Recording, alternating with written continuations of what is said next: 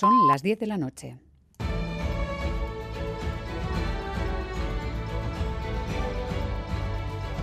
Radio Euskadi y Radio Vitoria. Servicios informativos. Repasamos los titulares de la jornada con John Fernández Bur, Gabón. Gabón, Miriam, noticias de este miércoles 15 de noviembre que pasan por la investidura, la sesión de investidura de Pedro Sánchez. Primer día en el que el candidato ha expuesto su programa bajo la premisa principal de que su gobierno es la única alternativa a un gobierno con la ultraderecha. Pedro Sánchez ha destacado también que su ejecutivo será legítimo. Lo que se decide hoy es eh, a quién entregamos las riendas del gobierno para los próximos cuatro años y cuál de esos dos caminos opuestos tomamos. Lo que hoy se expresará en esta Cámara y mañana también cuenta con la máxima legitimidad, puesto que se deriva de la voluntad democrática de los ciudadanos y ciudadanas de nuestro país expresada con su voto. Mientras el líder del PP, Alberto Núñez Feijóo, ha acusado a Sánchez de comprar los apoyos que mañana le harán presidente. El señor Sánchez no ha conseguido el apoyo de nadie, lo ha comprado, firmando cheques que todos pagaremos. Después ha sido el turno de la intervención de Vox. Santiago Abascal no se ha dejado nada en la recámara, ha cargado con todo contra un Sánchez al que ha acusado de dar un golpe de Estado e incluso lo ha comparado con Adolf Hitler.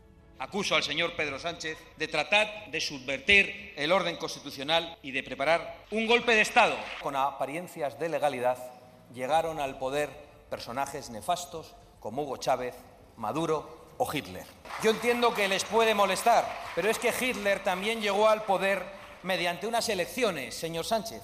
No ha habido réplica de Sánchez a Vox, que se ha marchado de la Cámara nada más finalizar su intervención. Abascal y los suyos han salido a encontrarse con sus seguidores en las inmediaciones del hemiciclo y Abascal les ha pedido que vayan a Ferraz. La situación allí a esta hora es de muchísima tensión. Allí está en Ferraz Nerea Sarriegui, Gabón Nerea. Gabón, sí, momentos de mucha tensión. Hemos tenido que alejarnos de las vallas que marcan el cordón policial porque los manifestantes llevan un rato lanzando petardos y objetos cristales a la prensa y a la policía. La imagen en Ferraz contrasta con la que hemos visto durante el día en el Congreso. Allí no ha habido apenas manifestantes. Aquí se mantienen fieles. La delegación del Gobierno habla de 2.000. La impresión es que son bastantes más. El de hoy es el decimosegundo día de protestas. Hay más de 350 agentes desplegados porque empiezan ya a zarandear las vallas que separan a la policía de la gente que protesta. La policía está ya preparada, colocados en tres filas por si hubiese que intervenir.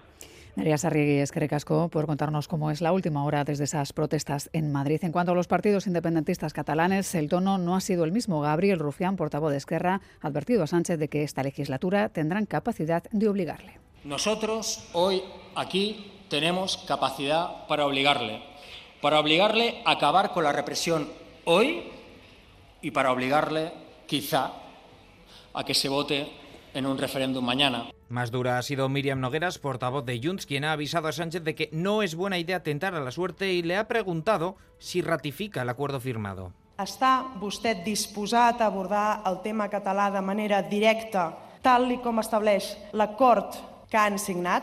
Cuenta usted con, con el compromiso eh, del Partido Socialista y el mío propio para cumplir con el acuerdo que hemos alcanzado.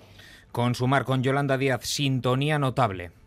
Esto, señoría, es la democracia. Señor Sánchez, le deseo con todo el cariño la mejor de las suertes, porque sé que de, este, de esta manera nuestro país seguirá ganando derechos. Mañana será el turno de intervención de Euskal Herria Bildu y PNV, aunque en el receso de este mediodía hemos podido escuchar ya a Merche Izpurua y a Aitor Esteban. Estamos ante una oportunidad histórica para encauzar un debate territorial y profundizar en las medidas sociales que en la anterior legislatura quedaron en, el cajón del olvido. Tenemos muy claro, y es además lo que ha eh, firmado el candidato con nosotros, el respeto a las competencias de las comunidades. Y ahí les puedo asegurar que el Partido Nacionalista Vasco va a ser inflexible. Y más allá de la investidura, les contamos que Siemens Energy ha dado los detalles de la crisis que atraviesa. La compañía ha perdido este año 4.600 millones por los malos resultados de Gamesa, su filial eólica que tiene la sede en Euskadi. La multinacional va a recibir ayuda financiera de los gobiernos alemán y español y de momento descarta despidos o cierres. Así lo ha dicho su presidente Christian Bruch. Bueno, ahora mismo no hay ningún plan concreto. De lo que se trata es de ver qué podemos hacer con nuestro personal. Hoy también sería demasiado prematuro. Y para nosotros España es uno de los centros más importantes. Vamos a seguir estando presentes en España y por tanto ahora mismo eso está fuera de debate. Es todo, más noticias en una hora y en todo momento en itv.eus y en la aplicación ITV Albisteac. Gero arte.